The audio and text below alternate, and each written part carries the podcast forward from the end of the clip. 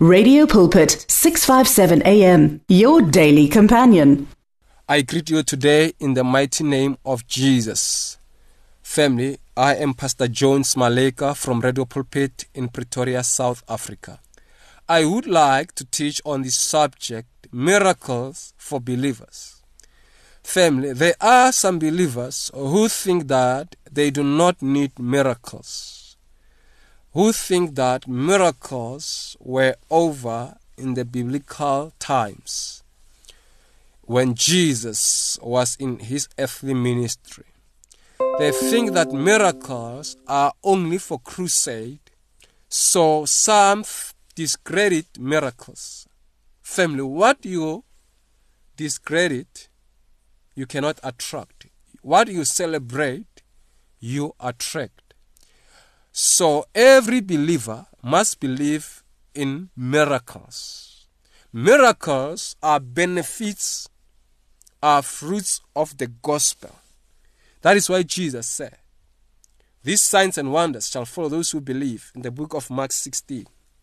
So those who believe have faith in God, they believe in God of miracles. When Jesus said that some will not believe unless they see miracles. He was not talking about us who are already saved. Kenneth E. Hagin said, A good way to define a thing is when you define what it is and what it is not. Hence, that is why Jesus said, Some will not believe unless they see miracles. The verse does not say some will not believe unless miracles follow or accompany them.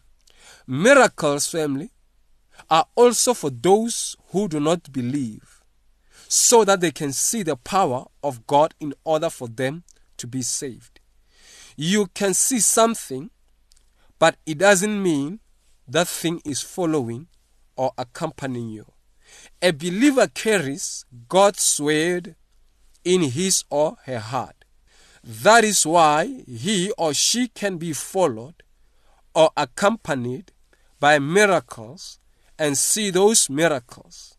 Jesus was not referring to believers but unbelievers. Believers cannot claim that they do not have faith. You cannot claim that you do not have faith. Every believer has faith. If you say you don't have faith, my question is Are you born again? How did you get born again without faith? Because the book of Romans says we have been given the measure of faith. God has dealt each one of us a measure of, of, of faith. That is not our faith. It is the faith of God that we are saved. So your faith started the moment you get saved. That is when your faith started. Hence, you cannot claim that you don't have faith. If you say you don't have faith, it means that you don't know what the Word of God says. You don't know what it means to be a, um, a believer. So, firmly. believers can not claim that they are not saved or they are not do not have faith because they wouldn't be called believers in the first place. Unbelievers can see miracles, but they cannot be accompanied by these miracles. Some even have been, some even have the things which they put their trust on. If they see what they do is of no difference with the gospel of Jesus, some would be so challenging to convince that the gospel of Jesus Christ is power. Let's read the book of Mark 16, verse 17 NLT. These miraculous signs will accompany those who believe. You underline those who believe. This speaks about believers all believers, those who believe. They will cast out demons in my name, they will speak in new languages. So, speaking in tongues is one of the signs and wonders that Jesus spoke about that every believer, those who believe, it doesn't say those who are gifted, those who are given the gift of tongues. So let us understand the gift of tongues and the for every believer speaking in tongues. These are different things. Someone who is gifted in speaking tongues or translating tongues is different to someone who is speaking in tongues. Because the Bible declares that every believer can speak in tongues, but not all believers are having the gift of tongues or a gift of translating tongues.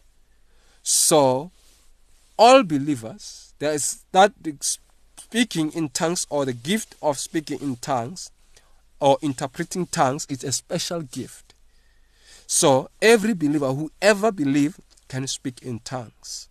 And the Holy Spirit is here, family, to help us to do what Jesus did.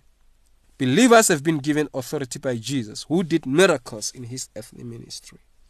Unbelievers cannot speak in tongues because tongues come from baptism of the Holy Spirit, which is the result of having a relationship with the Lord Jesus. Any believer family will need a miracle at some stage in his or her life. Those who think they are not important must read the scriptures. Acts chapter 16, verse 26.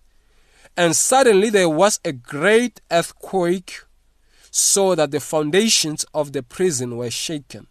And immediately, immediately, all the doors were opened, and everyone's everyone's bands were loosed.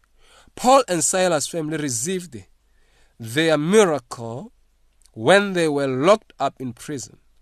They were believers, but they were given a hiding. They were beaten up and locked up in prison. God's miracles resulted in earthquake, and there is nothing that can limit God from doing miracles for his name to be known and glorified.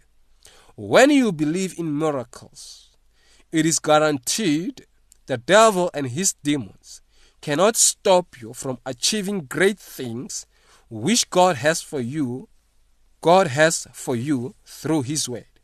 Every foundation of problems, sicknesses, diseases, oppression will be shaken and destroyed when you command them to do so.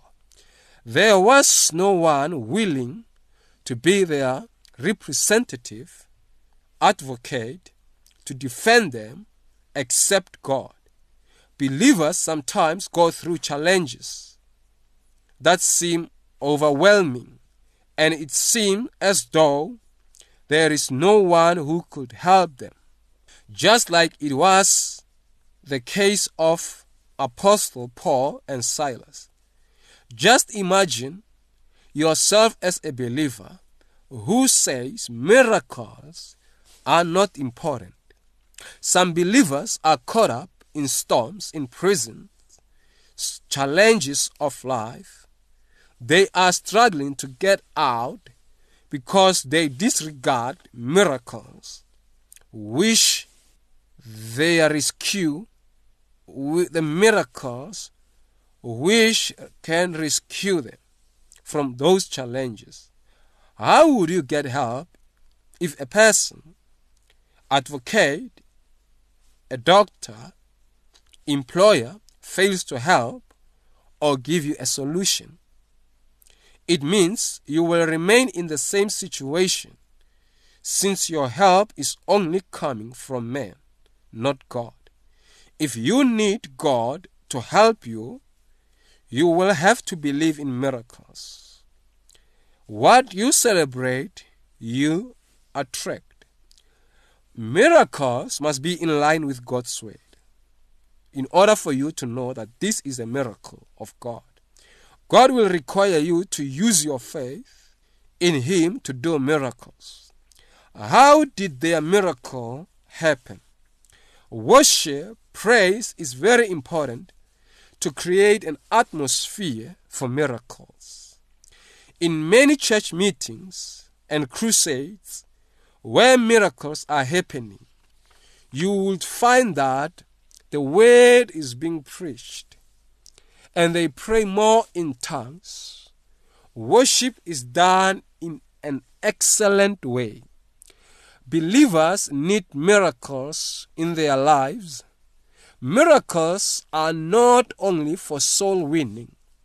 Some believers and churches tend to relax and preach the word of God without miracles following because they think that miracles are associated only with evangelism. The gospel of the Lord Jesus is power. It is accompanied by miracles. Jeremiah chapter 1 verse 17. Sorry, Jeremiah chapter 1 verse 12, New King James Version. Then the Lord said to me, You have seen well, for I am ready to perform my word. God is ready to perform His word, provided the word of God is being preached. That clearly shows us that when the word of God, which is faith food, is being preached, God must perform as He says, because He cannot lie. The word of God brings miracles. Mark 16, verse 20, NLT. And the disciples went everywhere. They went everywhere and preached. And the way the Lord worked through them, confirming what they said by many miraculous. So, miraculous or miracles confirm that you are anointed believer. Confirm that you are anointed believer. The disciples of Jesus preached the word of God everywhere. That means miracles were happening at a particular place, but any place where the word of God was preached. Whenever a believer is preaching or teaching the word, miracles must happen because God said He is watching over His word to perform it watching over his word to perform it, according to the book of Jeremiah, chapter 1. A believer who carries the word and put the word of God into action, always accompanied by miracles. Miracles happen when you begin to decree and declare. That is why the word of God says, Decree and declare a thing, and it shall be established. Numbers 14:28 I will do the very same things that I hear you say. In other words, when you need a miracle in your life, you can declare a miracle. You declare that healing, you declare that deliverance, and the Lord will do the very same thing that He hears you say. Raise your right hand and say this. Say, miracles cannot be limited by location. Say this with me, family. Say, Thank you, Jesus. You died for me on the cross and rose from the dead on the third day. My name is written in the book of life. I have life in abundance. I am spirit filled. Thank you, Lord, for guiding me in this journey. Holy Spirit, fill me continually. Congratulations, family. You are born again. Amen. The words of the Lord are words of life. Your heart is on 657 AM. 657 AM. Radio for believers in action.